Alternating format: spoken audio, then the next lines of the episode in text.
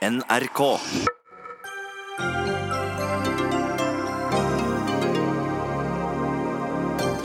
Arbeiderpartiet konkluderer med at Trond Giske har brutt partiets retningslinjer mot seksuell trakassering.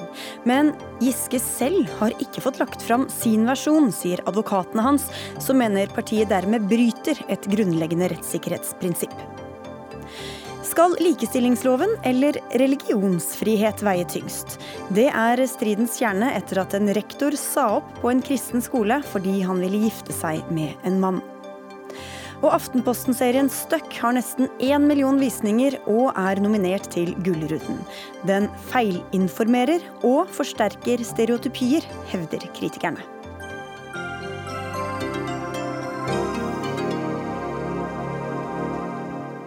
Dette er noen av sakene i Dagsnytt 18, i dag ved Sigrid Solund. Arbeiderpartiets avgåtte nestleder Trond Giske har ved flere tilfeller brutt partiets retningslinjer mot seksuell trakassering. Det konkluderte Arbeiderpartiet med nå i ettermiddag. De skriver i en pressemelding at partiets vurderinger er videreformidlet til den enkelte varsler og til Trond Giske, og det påpekes også at Giske allerede har trukket seg fra sine verv i partiet, og at det derfor ikke er aktuelt med noen ytterligere reaksjon fra partiets side. Vi har invitert Arbeiderpartiet, som takket nei, men Kristoffer Hanstein, du er advokat for Trond Giske, og dere sendte umiddelbart ut en pressemelding etter denne fra Arbeiderpartiet og brukte ganske krasse ord. Hva er det dere reagerer på? Ja, vi reagerer først og fremst på at Arbeiderpartiet har eh, konkludert Ja, skal jeg sette meg litt nærmere sånn? Vi, vi, reagerer først og fremst på at Arbeiderpartiet har konkludert i eh, sakene uten å få Trond Giskes eh, versjon av sakene. Mm. Samtidig så har Arbeiderpartiet da lagt til grunn et eh, prinsipp om omvendt bevisbyrde. Altså Når varslene har kommet, så har Arbeiderpartiet eh, snudd bevisbyrden. Den anklagede må da, altså Trond Giske i dette tilfellet, må bevise sin uskyld. Og så eh, har de da ikke avventet hans versjon. Så har de konkludert, og da er svaret gitt. Og det reagerer vi veldig sterkt på, fordi eh, det er et grunnleggende rettssikkerhetsprinsipp i alle saker, ved all saksbehandling, at eh, den anklagede skal få gi sin versjon. Og eh, det har da Trond Giske ikke fått anledning til her. Men så sier eh, partileder Jonas Gahr Støre til NTB at vår advokat har gitt all informasjonen vi har innhentet med Giskes advokater, det er jo deg blant annet, og Giske har i møter med sine eh, gitt sine reaksjoner på varslerne, men han har ikke kommet med skriftlige innspill utover det hans advokater har formidlet til vår advokat. Så han har jo hatt muligheten da, tydeligvis. Hvorfor har han ikke brukt den? Altså Det Jonas Gahr Støre sier der, vil jeg si er en sannhet med store modifikasjoner. For Det er riktig at det har vært eh, en dialog mellom advokatene, men vi som advokater for altså advokat Frode Sulland og jeg, vi som advokater for Trond Giske er jo prisgitt ham. Vi er prisgitt hans helsesituasjon. Og Hvis den gjør at han ikke er i stand til å gå inn i disse sakene, så er, det, eh, så er vi prisgitt det. Da kan ikke vi på hans vegne bidra til kontradiksjon. Vi kan ikke bidra med å gi hans versjon. Det er umulig. Så, så, han har vært for syk til å komme med sin versjon? Er, han har vært for syk til å komme med sin versjon, og det har vært eh, forklart for Arbeiderpartiet mange ganger. Det har Arbeiderpartiet vært helt bevisst på. Helt, de har vært helt klar over det. Og eh, Det har vært to eh, møter mellom Arbeiderpartiets ledelse og Trond Giske. Ett den den 21.12., som dere kjenner til, og ett den 1.1., som dere også kjenner til. Eh, men det har vært helt klart forutsatt at det eh, Trond Giske sa i de møtene, ikke var hans eh, versjon av dette. Han skulle komme med en ordentlig og skriftlig versjon på disse anklagene, og også vurdere å komme med både vitnebevis og Eh, skriftlig bevis som underbygger hans eh, versjoner. Så etter de to møtene så har det ikke vært noe ordentlig kontakt mellom Giske og Arbeiderpartiet? Nei, det har det ikke. Eh, det har ikke vært noe ordentlig kontakt. Og det er helt åpenbart at Giske ikke har fått gitt sin versjon. Og det har vært helt klart for Jonas Gahr Støre og Arbeiderpartiet hvorfor Trond Giske ikke har kunnet gi sin versjon. Og det, at, det å skyve Giskes advokater foran seg og si at fordi de har og det skal jeg si, det er riktig at, at vi var én eh, dag på advokatfirmaet Thommessens kontor og, fikk se gjennom det som da var av bevismateriale. Eh, men vi fikk ikke lov å ta med oss noen ting. Vi har ikke varslene, vi har ikke noe av bevismaterialet, så vi måtte gjøre da noen notater. Så vi har ikke dette. Eh, og vi har selvfølgelig ikke hatt grunnlag for å gi hans versjon uten at han har kunnet medvirke til det. Så det er helt åpenbart at Arbeiderpartiet har behandlet denne saken og konkludert eller disse sakene uten eh, Trond Giskes eh, versjon. Og det syns vi er veldig alvorlig. Har, har, dere og han fått innsyn i hva alt, alt hva disse varslene dreier seg om? Vi har, eh, som jeg nevnte, vært på advokatfirmaet Thommessens kontor. Og, skrevet ned? Og, vi har skrevet men, ned innholdet i, eh, sånn, i grove men, trekk. Da, da fikk dere tilgang til, til, alt hva som er blitt sagt? Vi fikk tilgang til det som da var innsamlet av beviser. Eh, og, eh, men vi fikk ikke ta med oss Vi har ikke tatt med oss eller kunnet ta med oss noen beviser. Men det er klart at vi kan ikke gi hans versjon uten at han er i stand til å medvirke. Og det har vært helt på det rene for Arbeiderpartiet at han har vært sykemeldt og ikke har vært ute av stand mm. til å gå inn i dette. Og vi er klar over at dette er en sak som man nærmest kan sammenligne hva mediepress angår, med Geir Livalla-saken. Hvor det har vært eh, utrolig mye mediepress over lang tid. Og at han eh, er preget av det, det tror jeg ikke er så vanskelig å forstå. Men, men, men, samtidig så er det sånn, Arbeiderpartiet skriver også uh, det er forventet at våre tillitsvalgte har en atferd som er forenlig med vårt verdigrunnlag og våre retningslinjer for hvordan vi mener kvinner og menn skal bli møtt i vår organisasjon. Dette ansvaret hviler tungt, ekstra tungt på våre fremste tillitsvalgte. Og allerede før jul så sa jo Giske at han hadde opptrådt kritikkverdig. Uh, og, og gikk god for i hvert fall noe av innholdet og en del av disse historiene. Uh, er det nok til at måte, den reaksjonen som kommer i dag, eh, er innafor uansett? Ja, det er vel ikke riktig å si at han har eh, akseptert at han har opptrådt i strid med noen retningslinjer. Det han har sagt og vil ha beklaget, er upassende oppførsel i relasjon til to, to personer, som det fremgår av pressemeldingen, og som, han, som langt på vei er det han også har sagt tidligere, og som gjorde at han trakk seg først som eh, Eller i hvert fall han trådte ut av funksjonen som nestleder. og Eh, og også senere trådte ut av eh, rollen som finanspolitisk talsperson. Men da også kan vi se for oss at partiet, dette er jo opprivende for mange, Trond Giske inkludert, at de ønsker å måtte, bli ferdig med det. Så hvor lenge skal man vente på å få bedring i Giskes helsetilstand før de konkluderer da, syns dere? Nei, jeg mener at eh, man burde vente til han blir frisk, sånn at han kan bidra. Hvis man ville gå videre og, og komme til en konklusjon på dette, eh, så burde man ventet eh, og ikke truffet en konklusjon på det spinkle grunnlaget man har nå. Man skal også huske på at den, de bevisene som, som, vi har sett, de gir jo inntrykk av at Arbeiderpartiet har eller Arbeiderpartiet eh, har behandlet dette på en måte, eller etterforsket dette eh, på en måte som tar utgangspunkt i å bekrefte varslernes versjon. Slik at man har ikke eh, gått inn i dette med sikte på å få frem tvilen. Giskes, eller forhold som kan tale til Giskes favør osv. Det har man ikke gått inn i. så så jeg syns at eh, det vi sitter igjen med inntrykk av, at dette er veldig ensidig eh, etterforsket. Og eh, Giske har altså ikke fått anledning til å gi sin versjon. Mistenker dere at det er andre motiver som ligger bak, eller? Det tror ikke jeg er den rette til å uttale meg om, for jeg, jeg er en skarve advokat. Så jeg, Dere spekulerer jeg, aldri, sånn? Nei, altså jeg er en skarveadvokat og kan uttale meg på en måte om de juridiske sidene. Og som advokat reagerer jeg veldig på, på måten Arbeiderpartiet har, har brakt Trond Giske til doms, på en måte, uten å følge grunnleggende rettssikkerhetsprinsipper. På en måte så har Arbeiderpartiet opptrådt både De har etablert en form for kvasidomstol. Så har de fulgt en, en, en, en etterforskning de har både opptrådt som etterforsker og dommer i realiteten. Uten å ha den uavhengighet som tilsier at de kan fungere uhildet både som etterforsker og som dommer. Og men, det er betenkelig. Men du sier at det er et spinkelt grunnlag, samtidig som det er kommet fram ganske mange historier, og folk har stått fram også med fullt navn. Ja, Nå vet vi jo ikke så veldig mye, Offentligheten vet jo ikke så veldig mye om hva som ligger i disse varslene. Og jeg kan jo heller ikke kommentere hva som ligger i disse varslene. Der forholder jeg meg for så vidt til det Arbeiderpartiet har sagt nå. Ut fra det du har sett, så mener du at det er et spinkelt eh, grunnlag, som er mer enn det vi andre har sett? Ut fra det jeg sier, så mener jeg at det er et ensidig grunnlag. Mm. Og det baserer jeg på to ting. For det første så har vi sett hvordan, eh, hvilke vitner som er avhørt, eh, hvordan spørsmålet er stilt, inntil en viss grad. For det andre så har Trond Giske, og det er ganske sentralt, han har ikke fått komme med sin versjon. Han har aldri fått muligheten til å balansere bevisbildet, balansere de omstendighetene som Arbeiderpartiet nødvendigvis, for å ha et godt og balansert beslutningsgrunnlag, bør basere en endelig avgjørelse på. Og så snakker du om dommer og rettssikkerhet, men her er det jo ikke snakk om juss i sånn forstand. Det er jo snakk om retningslinjer fra Arbeiderpartiet. Det er det de har forholdt seg til. Um, er det annerledes altså, når, det, når, det, er snakk om det, enn når det er snakk om en faktisk straffesak i, i retten?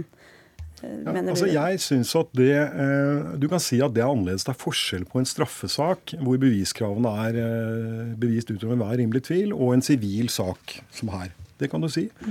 Men det som jeg tror er viktig, er at de grunnleggende prinsipper for god saksbehandling de gjelder over hele fjøla. Og det å ta stilling til en så alvorlig anklage som, eller så alvorlige anklager som er rettet mot Trond Giske, uten å gi han mulighet for å komme med sin versjon, mm. det er brudd på et grunnleggende prinsipp. Og vi skal huske på at det er ganske, det er ganske alvorlige anklager vi snakker om. Det er ganske alvorlige eh, konsekvenser for Trond Giske. Eh, som, eh, som, kommer ut av, av den eh, konklusjonen som Arbeiderpartiet da har truffet i dag. Og så kan man jo spørre har Arbeiderpartiet egentlig truffet konklusjonen tidligere. Har det egentlig vært en skinnprosess? Fordi Jonas Gahr Støre sa jo allerede på pressekonferansen den 8. januar at uh, han hadde opptrådt i strid med partiets regelverk. Og i går så kom det da lekkasjer fra, i Adresseavisen om at uh, Eh, at eh, det var kommet eh, konklusjon om at Arbeiderpartiet ville konkludere med at han hadde opptrådt i strid med regelverket. Hva er det de da egentlig har tatt stilling til i dag? Ja, vi skulle jo gjerne hatt Arbeiderpartiet til å svare, men helt kort kan du si det. Hva er det Giske prøver å, oppnå nå, eller ønsker å oppnå nå? Det, det har, jeg har ikke noe full oversikt over det. Men det Giske eh, naturligvis gjør, han er sjokkert. Han er sjokkskadet over at de feller en dom uten at han har kommet til orde. Det ønsker han å si fra om. Og så får vi se hva eh, som skjer fremover. Mm. Det vet jeg ikke. Jeg har ikke noe grunnlag for å uttale meg om det nå. Men jeg må på en måte si jeg forstår at han mm. reagerer. Er det Trond Giske som betaler dere, eller? Det har jeg ingen kommentar til. Mm. Magnus Takvam, politisk kommentator her i NRK. Det er ganske harde ord fra Giskes advokat her. Ja, det er, de var eh, klare med en pressemelding eh, så å si samme sekund som Arbeiderpartiet sendte ut sin pressemelding. Og sett utenfra så er jo det den, en veldig viktig observasjon at Trond Giske åpenbart ikke aksepterer eh, den eh, Eller grunnlaget for den konklusjonen Arbeiderpartiet trekker. Eh, jeg tror, eller slik jeg tolker han, eh, er at dersom man hadde begrenset seg til å fra Arbeiderpartiets side holde seg til dette tillitsspørsmålet, altså som Jonas Gahr Støre i utgangspunktet snakket om, at han eh, måtte ta stilling til om han som partileder ville ha tillit til Trond Giske som fortsatt nestleder eller ikke, var kjernen i saken. Hvis det hadde begrenset seg til det, så kan det hende at Trond Giske da hadde på en måte slått seg til ro med det. Og han aksepterte jo også som, som, vi vet, på en måte da frivillig å trekke seg som nestleder. Men altså når, når det da blir denne uh, veldig alvorlige konklusjonen om seksuell trakassering, så uh, aksepterer åpenbart ikke Trond Giske det uten videre. Og så får vi høre her at Arbeiderpartiet har vært både etterforsker og domstol i denne saken. Hvem er det egentlig som har utgjort denne domstolen, som har vært involvert i denne saken? Altså, for det første så er det sånn som du selv antydet, slik at Arbeiderpartiet understreker Nå er ikke jeg her talsperson for Arbeiderpartiet, men de har valgt ikke å stille opp eh, i en polemikk eh, i øyeblikket. Det, men slik jeg har forstått Arbeiderpartiet, så legger de vekt på at dette er en partiintern eh, prosess og ikke en rettslig prosess. Og det gjør at det stilles andre krav slik de ser det. Eh, hvis man eh, skulle ha ventet og unnlatt på en måte å konkludere i, i svært lang tid, så sier jo da Jonas Gahr Støre i intervjuer at da hadde varslerne blitt stilt overfor et valg om å gå til politianmeldelse for å få saken sin avklart. Og det, det ligger litt eh, til grunn for at de har, de har konkludert her. Men eh, Eh, de som har utgjort skal vi si, den gruppen som har gjort denne konklusjonen, er jo partilederen og partisekretæren i samråd med en, en jurist, en advokat. Helt på tampen da, Hvordan splitter denne konflikten nå som vedvarer da, Arbeiderpartiet? Altså Det blir jo selvfølgelig et av spenningsmomentene framover. Det er et landsstyremøte på mandag som skal ta stilling til hele denne prosessen. Det som skiller prosessen i Arbeiderpartiet fra prosessene omkring metoo i Høyre og Frp, er at det tross alt er strid om virkelighetsbeskrivelsen når det gjelder den anklagede i Arbeiderpartiet. Mens det både i Høyre og Frp er liksom enstemmig fordømmelse av de som er anklaget. Og det er det som er skal vi si, alvorlig potensielt for Arbeiderpartiet, at det kan føre til en intern uro og splittelse. Og nettopp behandling av Høyre skal vi komme tilbake til litt seinere i sendinga. Da sier vi tusen takk til dere, Magnus Takvam, og til deg, Kristoffer Hansten, som altså Giskes advokat. Hør Dagsnytt 18 når du vil. Radio NRK.no. Bør skoler kunne si opp lærere og andre ansatte fordi de er homofile, når institusjonen har et kristent ståsted? Spørsmålet er aktualisert etter at rektoren på den eh, kristne Gjennestad videregående skole sa opp. Han ønsket nemlig å gifte seg med en mann, noe som strider mot skolens verdidokument. Her står det at det livslange ekteskapet mellom en mann og en kvinne er utgangspunktet for familien og rammen for det seksuelle samliv, og de ansatte skal følge disse etiske retningslinjene. Og det fikk dere i Venstre til å sende et brev til regjeringa. Karl Erik Grimstad, du er stortingsrepresentant fra Venstre, og hva vil dere ha svar på? Jeg vil ha svar på i hvilken grad eh, likestillings- og diskrimineringsloven gir anledning til, eh, til dette. Um, og den ble som kjent eh, vedtatt i ny versjon, eller trådte i kraft i ny versjon 1.1.2018, så det var all mulig grunn til å ta den saken opp på nytt. Og hva fikk dere til svar? Jeg er veldig fornøyd med svaret, for her står det at utestenging er ikke lov hvis det er andre i virksomheten som står for, eller kan stå for, hoveddelen av det religiøse pedagogiske opplegget. Og mm. i denne, stilling, denne, stillingen rektor hadde, så var det en administrativ stilling, slik jeg ser det. Han har holdt noen andakter nå og da, men, men han har ikke hatt den, den stillingen som gjør uh, oppsigelser nødvendig. Og hvis han hadde gått til sak her, så mener jeg han hadde hatt stillingsvern. Essensen er altså om rektorens seksuelle legning og sivilstatus er relevant for skolens verdisyn. Agnar Kvalbein, du er styreleder ved denne videregående skolen. og Hvorfor mener dere at det er det?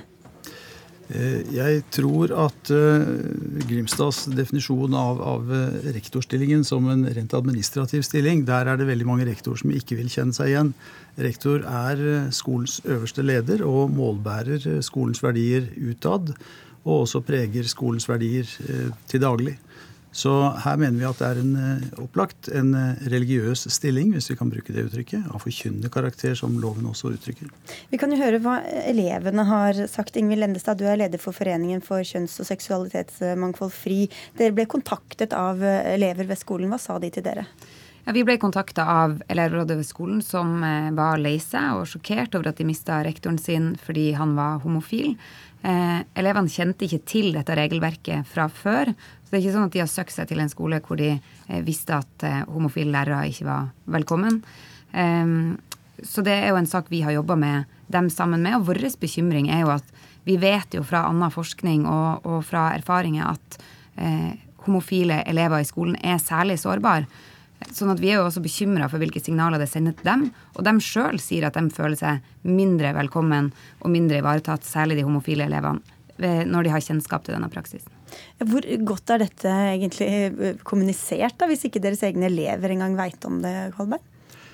Jeg syns det er et veldig flott uttrykk for at eh, elevenes hverdag ikke er preget av dette. Eh, deres reaksjon har jo vært forbilledlig ved at de har gått ut og reagert. De har engasjert seg i media både for og imot dette synet.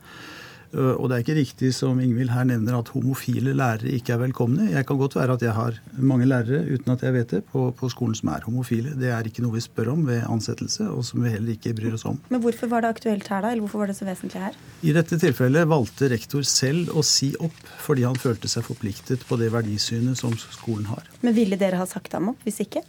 Det er eh, litt usikkert, men jeg tror kanskje også i forhold til et rettsvern, hvis vi tenker det, at en toppleders eh, Det hadde vært mulig etter arbeidsmiljøloven å si han opp. Fordi rettsvernet for toppledere er noe svakere enn det er for folk flest. Men til dette med loven, Grimstad. Ut fra det du sier, så kan det virke som om dette nå blir strammet inn. Men uh, ut fra den nye loven som du viser til, så viser det faktisk at man gir mer rom til å tillate uh, forskjellsbehandling hvis, hvis, formålet er å fremme livssyn. Og at man også kan spørre om, om samliv under et intervju. Så hvordan henger dette sammen? Ja, vi må ha for oss hva som er hovedregelen her. Uh, og Hovedregelen er at diskriminering på bakgrunn av seksuell legning det er ikke tillatt. Eh, og, og, og, Paragraf 26 i den loven jeg refererer til, den lyder altså at eh, arbeidsgivere aktivt skal arbeide for målrettet og, målrettet og planmessig for å fremme likestilling og hindre diskriminering på bakgrunn av kjønn. seksuell orientering, kjønnsidentitet og kjønnsuttrykk. Det er hovedregelen. Og så, og så, sier altså departementet bare i enkelte tilfeller, helt spesielle tilfeller, så kan man fravike dette. Og det er jo selvfølgelig helt forståelig.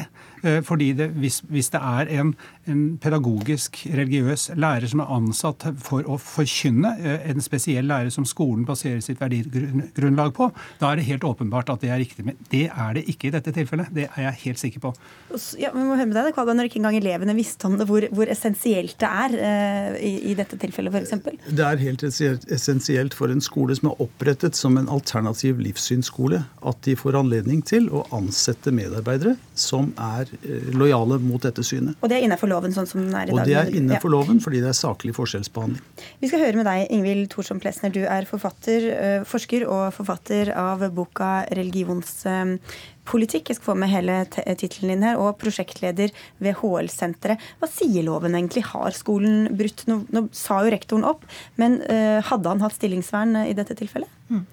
Nei, det er slik at både den nye felles diskrimineringsloven som ble vedtatt og trådte i kraft nå 1.1, og tidligere lovgivninger på dette området, er veldig tydelig på at utgangspunktet er at man skal ikke forskjellsbehandle på grunnlag av verken livssyn eller legning og samlivsform.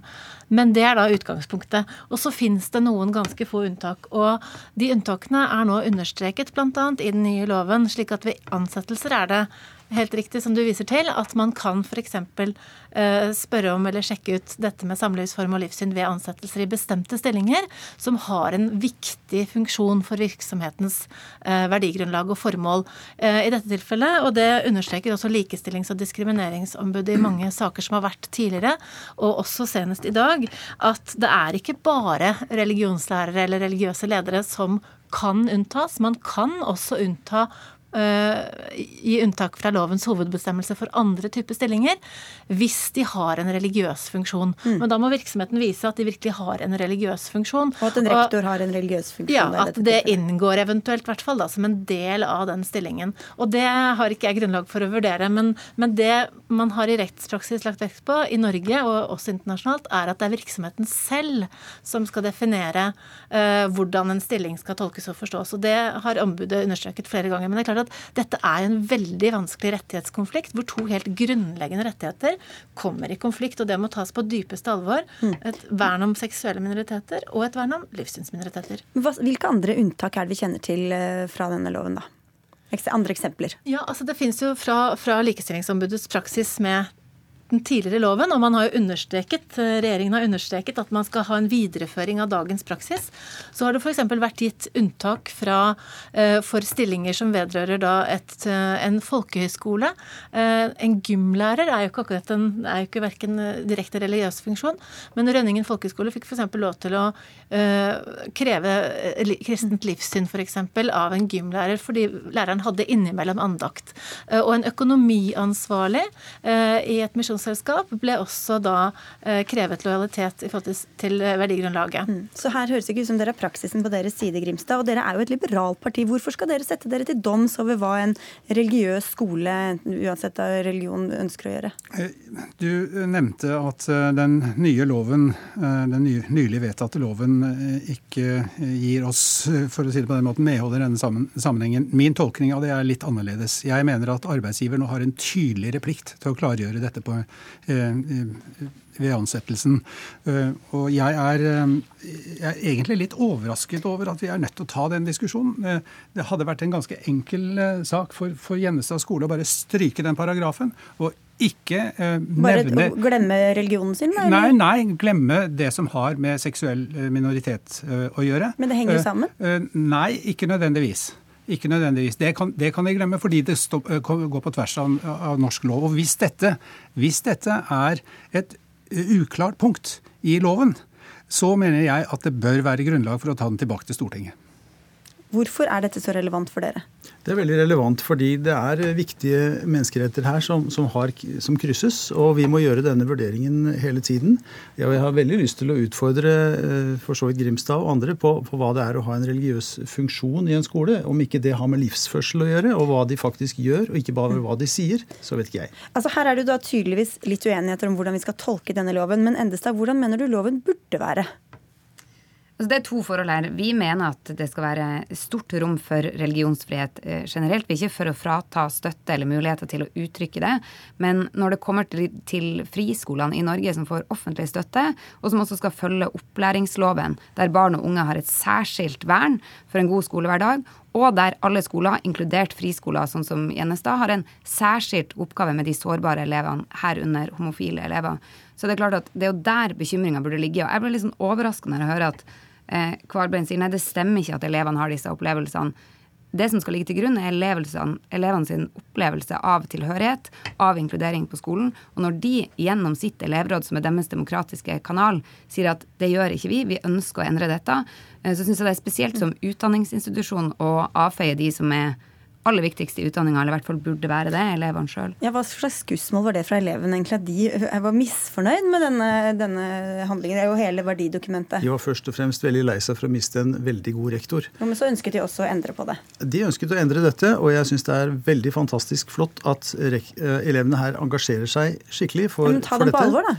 Ja, Vi har tatt dem på alvor, men, men vi, de, jeg vil også understreke at det var en minoritet blant elevene som gikk ut i pressen og hevdet et annet syn. Så at vi har et levende demokrati på skolen hvor elever av, tør å hevde ulike meninger, det syns jeg er veldig bra for Gjenstad gartnerskole. Hva ville, det, ha, vil det hatt å si for dere dersom Endestad fikk eh, gjennom sitt syn, og at dere måtte forholde dere til, til det regelverket hun ønsker, og, eller, eller miste statsstøtte?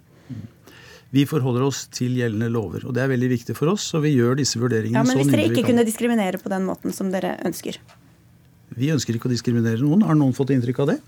Ja, dere, dere, ønsker vel ikke å ansette homofilt uh, samlivende eller Nei, vi har denne verdien at det er en ramme for, for det seksuelle samliv og, og familien. Ja, da vil jo det oppleves som en diskriminering, da.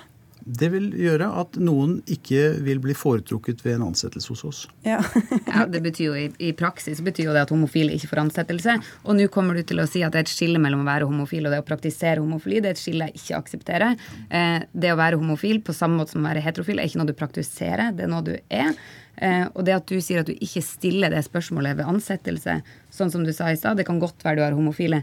Ja, du stiller jo ikke det spørsmålet, men du ber folk signere på at de ikke skal leve i et samliv som er homofilt. Så. Men det er jo helt frivillig å gå på den skolen, det er frivillig å jobbe der. Så hvorfor skal ikke religionsfriheten veie tyngre i, i, i disse tilfellene? Hvor blir det av religionsfriheten da? Videregående skole er jo én ting, det kan man jo velge, men da må man ha informasjon til å kunne ta det, det, valget. Det hadde jo ikke disse elevene, og det er flere av de elevene som er homofile, som sier at de kanskje ikke ville valgt den skolen. Men eh, Nordmisjonen driver også barne- og ungdomsskoler, eh, der det er foreldrene, og kanskje foreldre som ikke ønsker at sine barn skal være homofile, som velger hvilke skoler de skal gå på. Vi må ta et skritt tilbake her og, si, og, spørre oss hva slags skole er dette. Dette er ikke en bibelskole. Det er for alle praktiske formål en yrkesrettet uh, opplæringsinstitusjon som driver med havebruk, de driver med design, håndverk. De, altså det er ingen ren forkynnende skole. Eh, og, og, hadde det vært bedre hvis det var det? Ja, da ville det vært mer forståelig, for å si det på den måten. For da hadde man drevet ut fra, fra forkynnelsen og, og verdidokumenter som er knyttet til den. Men i denne situasjonen så må jeg si at denne tolkningen av Bibelen er i dagens situasjon en temmelig sær tolkning. Og Matteus her, som det henvises til, han er ikke i samsvar med norsk lovgivning. Ja, Du skal få en kort kommentar. Nei, det, det, er riktig at det er et sært standpunkt i manges øyne, men jeg vil jo kjempe veldig for at det skal være lov å ha sære standpunkt. Og jeg er også opptatt av at, at skoler må kunne drives på det grunnlaget, ellers har vi et sørgelig demokrati. Du, helt avslutningsvis, Jeg vet ikke om du klarer å svare kort, Plessner, men hvor, eh, hva, hva syns du, hvis det er, nå er sånn at man strammer inn på regelverket, her var det jo veldig uenigheter om det faktisk gjorde det eller ikke, da. men hva, hvilke faresignaler eller plusstegn ser du ved det, da? Jeg tenker at Det er jo veldig gode intensjoner bak et ønske om å gjøre det, fordi man ønsker å beskytte og øh, styrke vernet om seksuelle minoriteter. og Det er utrolig viktig, også menneskerettslig. Men på den annen side så er jo da grunnen til at man har dette vernet per i dag, og har dette unntaket, nettopp at man ønsker å verne om en annen utsatt minoritet. For det er jo slik at de som nå er mot homofil samlivsform eller homofili som øh, fordi de mener de er i strid med de utgjør nå en minoritet i Norge. Det var en majoritet, men nå er det en minoritet. Og det er også viktig å verne om deres eh, grunnleggende rett til å praktisere. Så dette er en veldig vanskelig avveining, og det håper jeg kan bli tatt på alvor. Nå ser jeg både ivrige og oppgitte blikk rundt bordet her. Jeg tror vi må fortsette dette en annen gang. Tusen takk skal dere ha alle fire for at dere kom. Karl Erik Grimstad fra Venstre, Agnar Kvalbein fra Gjennestad videregående skole, Ingvild Plesner fra HL-senteret og Ingvild Endestad fra FRI. Dagsnytt 18 alle hverdager klokka 18.00 på NRK P2 og NRK2. Etter årevis med handlingsplaner, diverse programmer og ulike løfter har vi fortsatt ikke fått bukt med mobbing i skolen. Tvert imot viser Elevundersøkelsen som kom denne uka at flere elever sier de blir utsatt for det. Rundt 30 000 barn sier de blir mobbet to til tre ganger i måneden eller oftere. Og undersøkelsen viser også at 30% av mobberne svarer at de selv også blir mobba. Og nå vil dere ha en omkamp om at mobberne skal kunne tvinges til å bytte skole. Kristin Admeier, du er prosjektansvarlig, for du kan være den ene i Unicef. Hvorfor er det en dårlig idé å kunne flytte disse mobberne, når vi bl.a. ser på den undersøkelsen?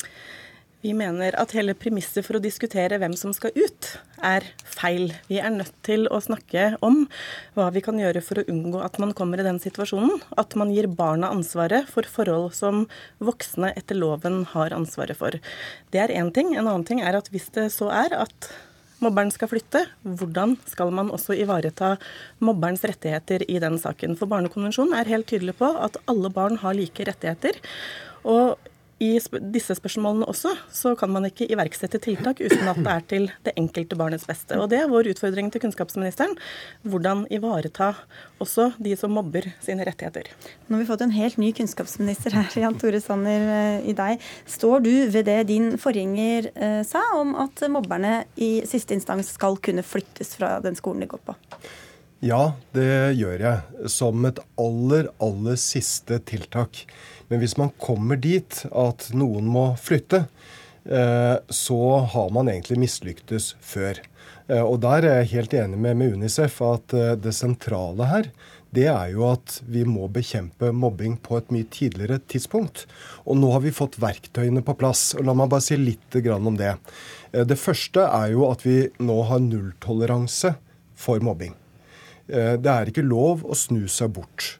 Eh, alle som jobber i skolen som har et ansvar for barn, eh, skal bekjempe mobbing. Og vi har også fått verktøy som gjør at vi bygger kompetansen på, på skolen. Men så kan det da komme i den helt ytterste konsekvens, da, og det er der jeg håper man ikke kommer. Mm. Så må det ikke være slik at den som blir mobbet, er den som må føle seg tvunget til å bytte skole. I en slik situasjon så må det være den som mobber. Og Det er det vi diskuterer nå, dette siste, siste løsningen, Audmaier. Hvorfor, når, når vi vet at det er veldig få som blir eh, flytta, og det er siste utvei, hvorfor er det da så farlig å ha også det ene virkemidlet til eh, rådighet?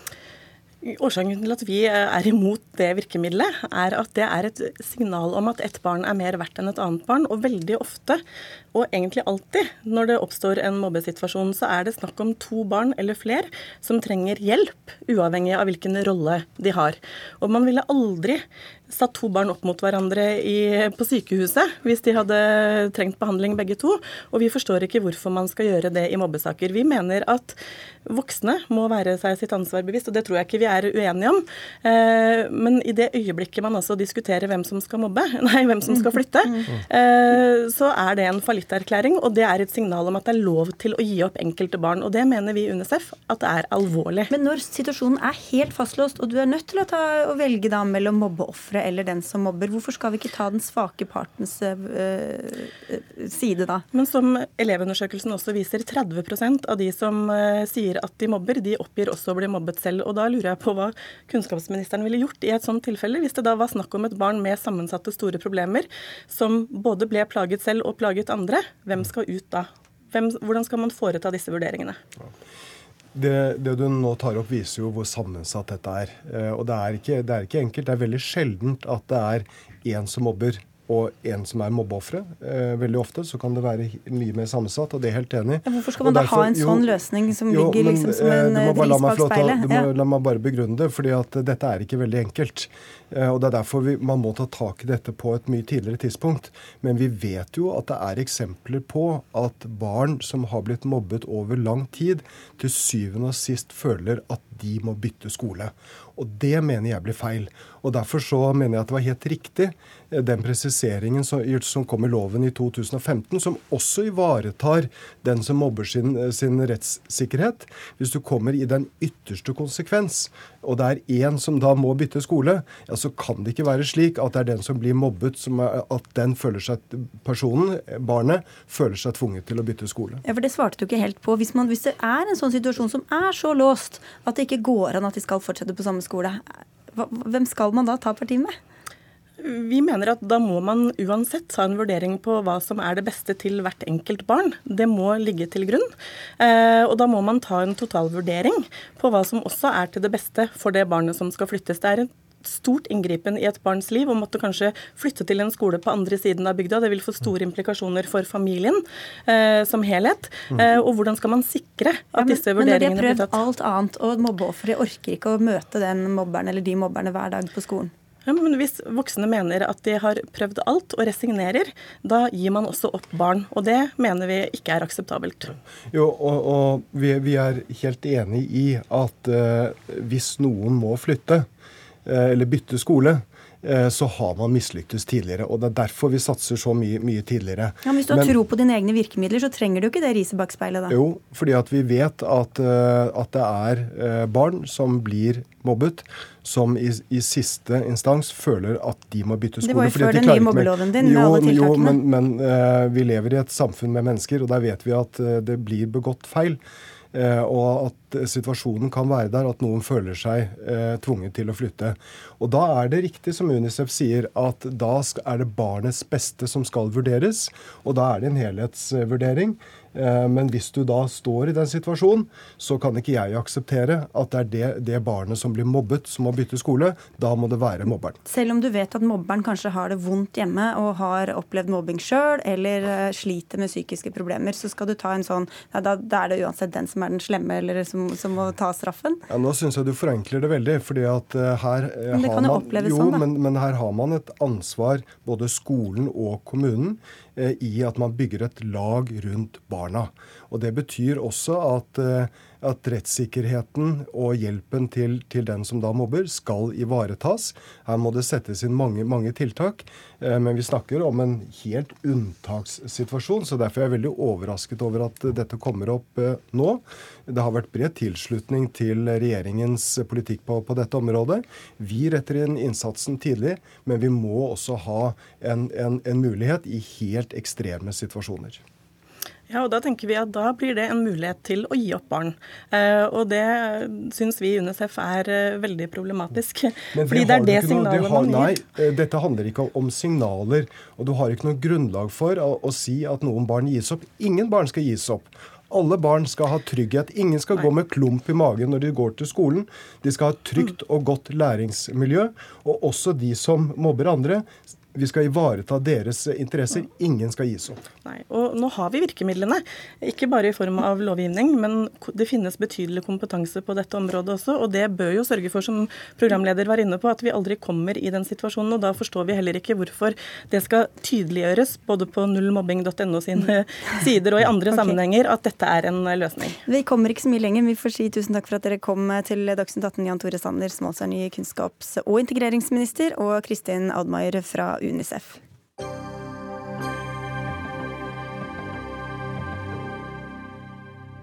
Da skal vi nemlig tilbake til disse varslersakene i politikken, og nå skal det handle om Høyre. Politiet er nå involvert i eh, sakene, men samtidig som eh, varslene følges opp, får partiet kritikk for ikke å ta nok hensyn til den det blir varslet mot. Eh, litt samme som vi var inne på innledningsvis om Trond Giske.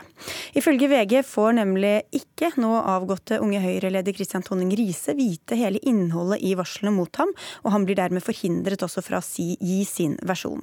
Og dette gjør at flere er bekymret for rettssikkerheten hans, deriblant du, Tor Langbakk. Du har tidligere vært dommer og direktør for Domstolsadministrasjonen. Du sier at dette er uh, urovekkende. Hvorfor det? Jeg tror det er viktig at vi til å begynne med skiller mellom tre spor her, og ikke stokker kortene for mye.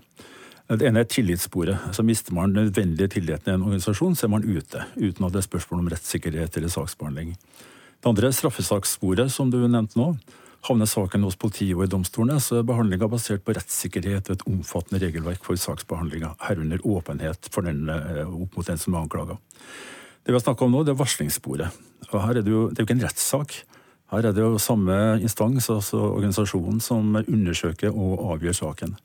Her er det ikke mye hardkokt juss, det er mer spørsmål om hva som er en hensiktsmessig måte å behandle en varslersak på før den avsluttes. Så det er ikke snakk om rettssikkerhet i strafferettslig forstand, men mer om en, si, en allmenn oppfatning av, av, hva som er riktig og galt? Ja, faktisk det. Fordi tradisjonelle varslersaker handler om andre ting. Eh, det er litt spesielt at vi får inn det med seksuell trakassering. Eh, når et varsel retter seg mot en konkret person for en konkret handling, så blir situasjonen litt spesiell for ikke bare varsleren, men også den det varsles om har krav på en viss grad av rettssikkerhet. Men så sier Høyre i en pressemelding eh, sitat, eh, at eh, denne informasjonen da, til Tonning Riise i dette tilfellet må gis på et slikt nivå at vi tar vare på den tilliten vi har vist varslerne. Sitat slutt. Hvordan skal partiet klare å ivareta alle hensyn uten å svikte varslerne? Det er nok en vanskelig balansegang. På den ene sida så er det klart man må ha et system, ha rutiner og en saksbehandling som gjør at folk faktisk varsler. Og det kan tilsi at den det varsles om, eh, i begrensa grad skal ha innsyn. På den andre sida finnes det en del aksepterte normer for god saksbehandling. Og eh, etter mine begreper er det vanskelig å avslutte en slik sak uten å ha en saksbehandling hvor den det varsles om, får komme til orde. Mm. Ellers blir grunnlaget for å treffe en riktig og objektiv avgjørelse ganske, ganske magert. Og, og havner jo saken etter hvert i straffesakssporet, så vil jo den det varsles om ha fullt innsyn. Høyre sier også at Tonning Riise skal få komme til orde, men hvor og når og hvordan må partiet komme tilbake til. Haster det så fælt? Det bør i hvert fall skje før man treffer en avgjørelse, før man gjør seg opp en mening om hva som er riktig i saken. Du, Tor Langbakk, vi takker av deg nå fordi vi skal gå videre til deg, Jon Ragnar Aarseth. Og du ønsket ikke å gå inn i noen sånn juridisk eh, debatt. Du er, eh, som mange Dagsnytt 18-seere sikkert husker, generalsekretær i Høyre. Hvordan tar dere vare på Tonning Rises rettssikkerhet? Ikke i strafferettslig forstand, men i den andre forstand. Ja. Eh, nei, For det første så syns jeg det var kloke ord jeg hørte her. Og, og jeg kan i hvert fall stadfeste at vi kommer til å Eh, gi Kristian Tonning Riise en behandling som er innafor de eh, Men Han er bekymret for hvordan dere ja, behandler det? Ja, det, det, det, skjønner jeg. Og jeg skjønner at det, at det går an å være det. Eh, det er, de forhold vi må veie mot, mot hverandre her, er på den ene sida å ivareta eh, den tilliten som varslerne har vist oss ved å eh, gi eh, fortrolige varsel. For en del av varslerne ønsker ikke at deres navn og deres konkrete historie skal konfronteres med Kristian Tonning Riise. Men det som er det spesielle i denne situasjonen, er jo at han har allereie gått av som unge Høyre-leder. Altså Det har fått en stor konsekvens og reaksjon. Eh, det som har gått på hans eh, oppførsel knytta til eh, alkohol, sjekking, relasjoner til yngre jenter. Og det, det gikk på generell oppførsel før vi fikk alle disse konkrete ja, Men hvis noen fortalte masse historier til deg, til din leder f.eks., hadde ikke mm. du da ønsket å få vite om det, så du kunne si fra du, hvordan du opplevde de situasjonene? Jo, absolutt. Eh, og dette er krevende. Det er kjempevanskelig. Men dere har gitt Men, lovet til disse varslerne at han ikke skal få vite om det? Eh, vi har lovd eh, deg at vi ikke skal gå konkret inn på deres historie. De som har Så da blir det umulig å forsvare seg mot dem, da? Det betyr at vi har noen veldig klare begrensninger på hvor vi kan konfrontere han med. Men, men altså den store konsekvensen av oppførsel har han allerede tatt ved å trekke seg som unge Høyre-leder. Eh, og det, eh, det klargjør jo en del ting, og, og gjør denne saken veldig ulik mange andre. Trine Eilertsen, politisk redaktør i Aftenposten, du har skrevet mye om denne saken, og bl.a. at eh, med sin hjemmesnekrede varslings, varslingsrutine er Høyre i ferd med å ta varsler mindre alvorlig, og ikke mer alvorlig. Hvorfor det? Jo, jeg mener den måten å gjøre det på at du sier til varslerne at vi gir et løfte om at det du forteller oss, det går ikke videre. Eh, så binder du deg eh, og låser deg fast til noe, et løfte du egentlig ikke kan eller bør holde. For det kommer jo helt an på innholdet i varselet, hvordan du skal håndtere det. Eh, og hvis hensikten med dette er at de som driver med trakassering skal få en passe tilpasset reaksjon, så må også den som trakasserer få vite hva dette handler om, få vite omfanget, få vite hvor det kommer fra når det skjedde, og kunne gi sitt tilsvar, så du kan få en, en, eh, et bilde av hva du faktisk skal sanksjonere. Men så, Nå skal ikke jeg legge ord i munnen på Aarseth her, men så sier han at her har du, konsekvensen har allerede skjedd. Det, det, utover hva politiet kan finne på, som er et annet spor, så skjer det jo antagelig ikke noe mer. Dette er bare noe som blir fortalt eh, partiledelsen eller hvem det er bak lukkede dører. Så hvorfor er det da så farlig? Altså Riise-saken er jo én sak. Det er jo én det er blitt varslet mot i Høyre. Men det er jo eh, et godt antall flere som vi ikke kjenner alvorlighetsgraden til. Og som vi for så vidt ikke trenger å kjenne alvorlighetsgraden i. Eh, og det, Målet er jo ikke at hele offentligheten skal få vite hva som eh, foregår i, mellom Høyres ledelse, mellom varsler og den den blir varslet mot. Men det er at alle der skal være komfortable med at prosessen foregår ordentlig. Sånn at når sanksjonen kommer, reaksjonen kommer, så er den rimelig og tilpasset. Og og Det mener er det umulig å forsikre seg om hvis den som varsler på en måte skal definere nøyaktig hva som har skjedd, og du skal være helt sikker på at det er bare de som sitter med faktum. For det er elleve varsler mot andre i Høyre eller Unge Høyre, unge høyre og, det, og, det, samme gjelder der eh, som i Tonning Risse-saken? Ja, altså, det som er kjernen til diskusjonen her, opplever jeg, er spørsmålet om Men bare svar, Er det det samme som gjelder der? Altså, De får heller ikke nødvendigvis vite at, om varselet mot dem? Eh, varslerne, altså Noen varslere eh, vil stå eh, ja, fram med navn og, der hvor noen vil si at jeg vil bare fortelle om min ja. historie, så får ikke de andre vite om det. De det, det er riktig. Eh, foreløpig. Eh, det som er kjernen her, som jeg opplever at blir angrepet, det er spørsmålet om skal en ha adgang til en sånn type fortrolig eh, varsling som vi legger opp til, eller anonym varsling, om du vil. Altså at noen kommer til meg eh, og forteller en historie, men, men, ikke vil at sitt navn og for mange detaljer skal tas videre til den det blir varsla på. Altså Hvis vi, hvis vi ikke kunne eh, lovd en sånn fortrolighet, så hadde lista over varslingssaker vært kort. Mm. Eh, I hvert fall i den mengden vi sitter med nå. For er du sikker på det? Ja, det er jeg helt sikker på. Hadde vært, vært vesentlig kortere, i hvert fall. Eh, og det er et stort poeng for oss når vi er i den situasjonen, særlig som vi er nå, å få alt på bordet. Vi ønsker å få vite mest mulig av det som har skjedd i organisasjonen vår som ikke er bra. Da må vi gjøre alt vi kan for å fjerne eller ta bort terskler for å varsle, for å få det, å få det hele bildet. Og da, ja, Det er helt klart at vi kommer i noen krevende situasjoner da. For da går ønsket om å få oversikt over situasjonen på bekostning av eh, skal vi fortsatt bruke ordet rettssikkerhet da, til de som blir varslet mot? Ja, men de varslerne som eh, tar kontakt på den måten, de ser jo òg eh, at det legger begrensninger på måten vi kan konfrontere de det blir varsla mot. Men som mange sier, det er, det er viktig for meg å si fra for å hindre at, eh, at, andre eh, ting skjer med andre. Og det er viktig for meg at, eh, Men det kan at vedkommende fær blir konfrontert. Den objektive og får, sannheten, og dermed så kommer det også sanksjoner ja. mot noen som kanskje ikke har gjort noe galt. Men, men vi vil jo høre de personene at det er jo sjølsagt adgang for den personen som har et varsel mot seg, til å komme med sin reaksjon, sin forståelse, sin oppfatning av saken. Litt vanskelig hvis en ikke vet hva saken går ut på, da. Ja, og derfor så er det viktig for oss å, å få mest mulig handlingsrom ifra varslerne. Og enkelte trenger litt tid på seg. Det, det kan være en kjempeterskel for en 16-17-18-20-årig eh, ungdom mm. å i det hele tatt fortelle sin historie.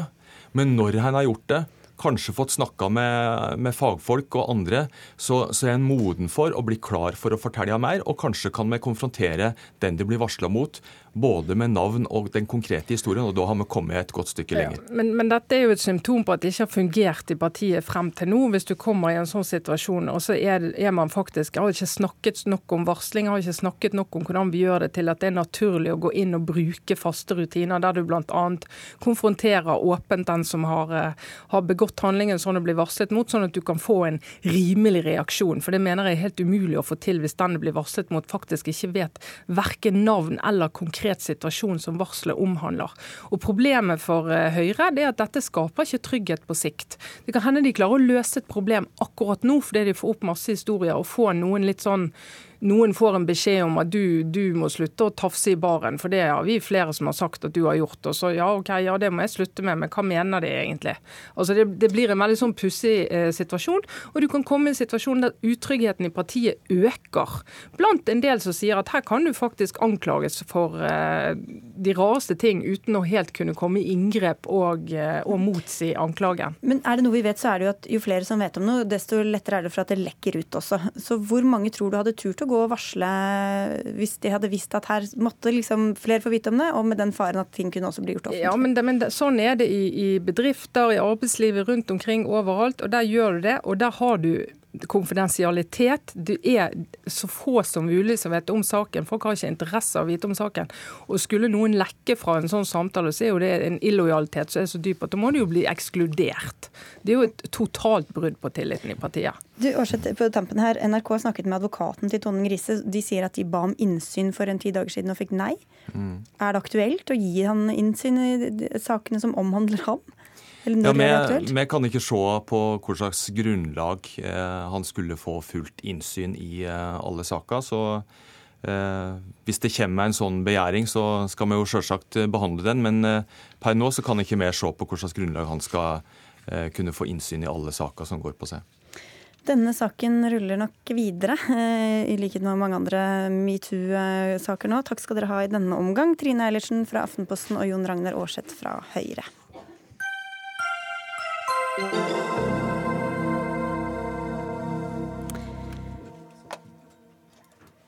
Aftenposten-serien Stuck har gått rett hjem hos seerne og fått Gullruten-nominasjon for beste dokusåpe. I TV-serien reiser programleder Emilie Beck rundt i Asia og Latin-Amerika og møter kvinner som bl.a.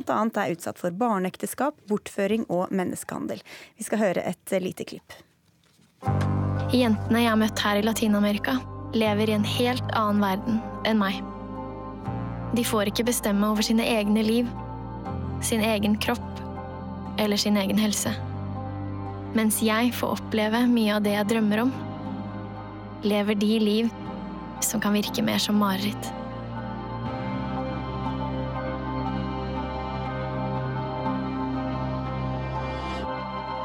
Og i marerittene er alle monstrene menn mange som ser på også, men ikke alle er like begeistra.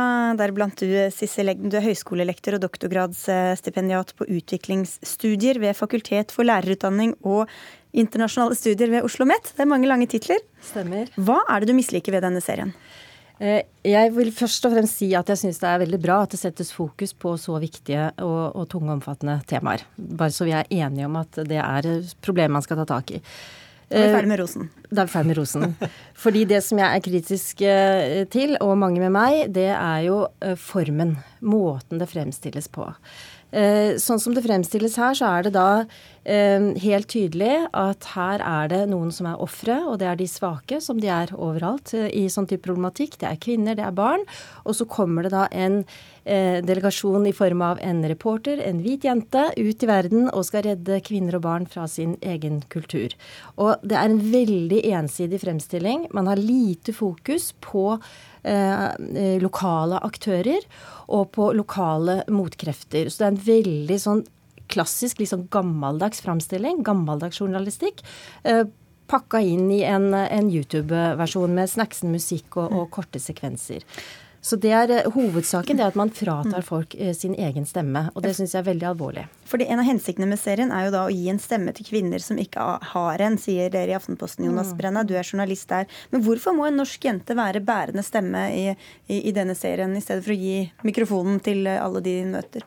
Vi føler jo at vi gir mikrofonen til de vi møter også.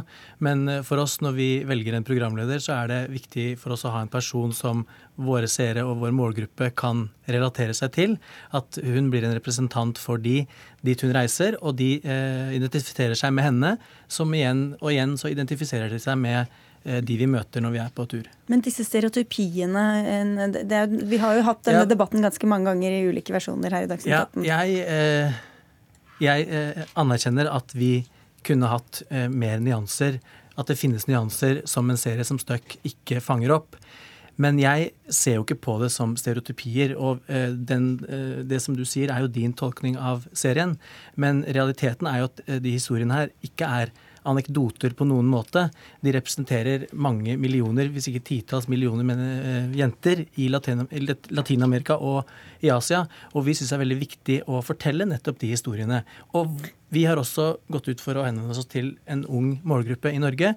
Og da må vi eh, ha en effektiv og tydelig fortelling for mm. å nå fram. Ja, ja, ja. Altså, alternativet er at vi ikke når fram. Ja. Og det er det mange eksempler på. Og det er jo da en, en, norsk jente som reiser og beskriver sitt møte med en annen mm. kultur. Eh, hvorfor er det så galt å, å ja. gjøre det på den måten, da? Eh, som du sier, Hun beskriver sitt møte med en annen kultur. Det fins ikke én annen kultur. Det er mange stemmer i enhver kultur. Og jeg er sikker på at de har gjort litt research, for hun kommer der og sier at 'å, jeg vet ingenting'. Jeg er Emilie fra Norge, jeg er helt uskyldig, jeg er bare 25 år. Emilie som går på går på regilinja på Lillehammer. Uh, hun uh, Hvem skulle de sendt, da? Du ja, sier at hun, hun har hun hvit gjerne. jente. Hvilken, hvilken rolle har hudfargen og alderen hennes med saken å gjøre? Det er den klassiske hvordan Vesten skal forstå de andre og fortolke og snakke på vegne av, og en, offer, en offergjøring. Uh, når jeg sier at de kunne gjort litt mer research De er jo også ofre. Ja, de er ofre, mange av de som vises der. Men det er mange som ikke er det. Du finnes aktivistgrupper, det finnes motkrefter men, men i alle måte, de kulturene kulturene som vi er ute og snakker på. Når man er journalist og skal fortelle historier, så må man gjøre valg. Ja, og man da har jeg lyst til å komme med et eksempel. Eh, for noen få år siden så hadde Regnskogsfondet de hadde eh, TV-aksjonen og fikk innsamlingen. Da kjørte de en mye kortere snutt med 'Vi er regnskogshjelpere' eller vernerne, med noen små barn. Og gå og se på den. Den er helt genial. De snakker på vegne av seg selv. Ja. Det er kompetente barn i sitt eget habitat. Og du ender opp, når de da står foran det store krateret, så tenker du ja, og disse trenger hjelp. Uten at du stakkarsliggjør de, uten at du gjør de til, til, til eh, helt enige. Men dette er, jo, dette er jo reelle situasjoner for de jentene vi møter. Absolutt. Jeg har vært i og, og, og i Latin-Amerika Eh, så, er, eh, så, blir én av fire jenter fortsatt gifta bort før de er 18 år, mot sin mm. vilje. Mm. Og det er den eneste regionen i verden hvor statistikken står stille. Tallene går ikke ned. Og FN sier selv at det har vært situasjonen i 30 år uendret. Så at vi velger å gå dit og sette fokus på et problem som gjelder livet til mange titalls millioner jenter, det syns jeg ikke er et problem. Og vi har heller ikke laga serien med tanke på eh, høyskolelektorer som spesialiserer seg på utvikling, men for ungdom, norsk ungdom som ikke har den samme bakgrunnen som deg. Og den treffer jo. Hvor mange tror du hadde sett på den serien du ønsker deg? Mm. Nei, den serien jeg ønsker, kunne jo også truffet hvis man hadde lagd den godt. Eh, lagd den godt. Så det tror jeg ikke er noe uh, problem. Og det betyr ikke at det ikke er et problem, uh, at det ikke er reelle problemer, men det er formen på det som er veldig endimensjonal og veldig stereotypiserende. Og jeg hører unge jenter si at jeg vil også ut i verden og redde barn, sånn som Emilie gjør. Og jeg syns det er veldig alvorlig at man ikke da gir en stemme til andre. Man får en veldig stereotyp Men vi får jo høre deres, deres uh, skjebner og historier ja, også. Da tenker jeg f.eks. På, på kvinneaktivistgrupper, på menn som jobber mot vold. Det er mange aktører der ute man kunne jo, ha tatt inn. Realiteten er jo fortsatt har, at, ikke, at, når statistikken er som den er, og utviklingen står fast og har gjort det i mange tiår, så er det åpenbart at man trenger mer fokus på de historiene enn det som de klarer å skaffe selv. Jeg føler ikke at vi delegitimerer noen feministiske grupper i Latin-Amerika på noen måte. Vi derimot legitimerer dem og gir dem et mye større støtte. Men kommer vi videre med dette? Det får vi se. Kanskje blir det en ny sesong. ja, men, kommer de videre, da, for å spørre det sånn? De jentene i serien? Ja, altså gjør, gjør dere noe nei, for, for, Nei, vi er jo altså, vi er en uh, nyhetsformidler. Ja, jeg skjønner ikke at ikke dere skal liksom, gi penger til de som er uh, Men som, det som blir etterlyst her, er jo å gi en stemme til de som faktisk er aktivister der nede. Vi, men, vi mener jo at jeg kan få skyte inn, uh, fordi det er et annet problem her også, og det er den som ligger bak hele tiden med reklamen, og som på en måte har fasilitert hele sendelsen, eller hele serien. kontaktene, det er jo Plan, og de er jo kjent for å ha en veldig aggressiv markedsføring vurdering. Vi tar ikke den nå, for nå er det to, to sekunder igjen, og de er ikke her. og det jeg skulle ønske vi hadde tid til, var også å snakke om etikk. For jeg syns jeg reagerer veldig med mikrofoner opp i ansiktet på unge mennesker okay. som da uh, utpassionerer hele historien. Det er ikke måten den serien er produsert på Absolutt i det hele tatt. Det, ligger det. mye arbeid bak, valg og hvordan vi forvalter de jentene okay, som er med. Så når en 15-åring blir spurt om hvor hun tok sin første sa, hadde uh, sitt samleie, så er det Dere, gjennomtenkt. Yes. Får gå inn på Aftenposten og dømme selv. Uffa meg ble siste ord. Takk skal dere ha, Sissel Eggen og Jonas Brenna. Dag Dørum, Hanne Rune og jeg, Sigrid Solund, takker for følget.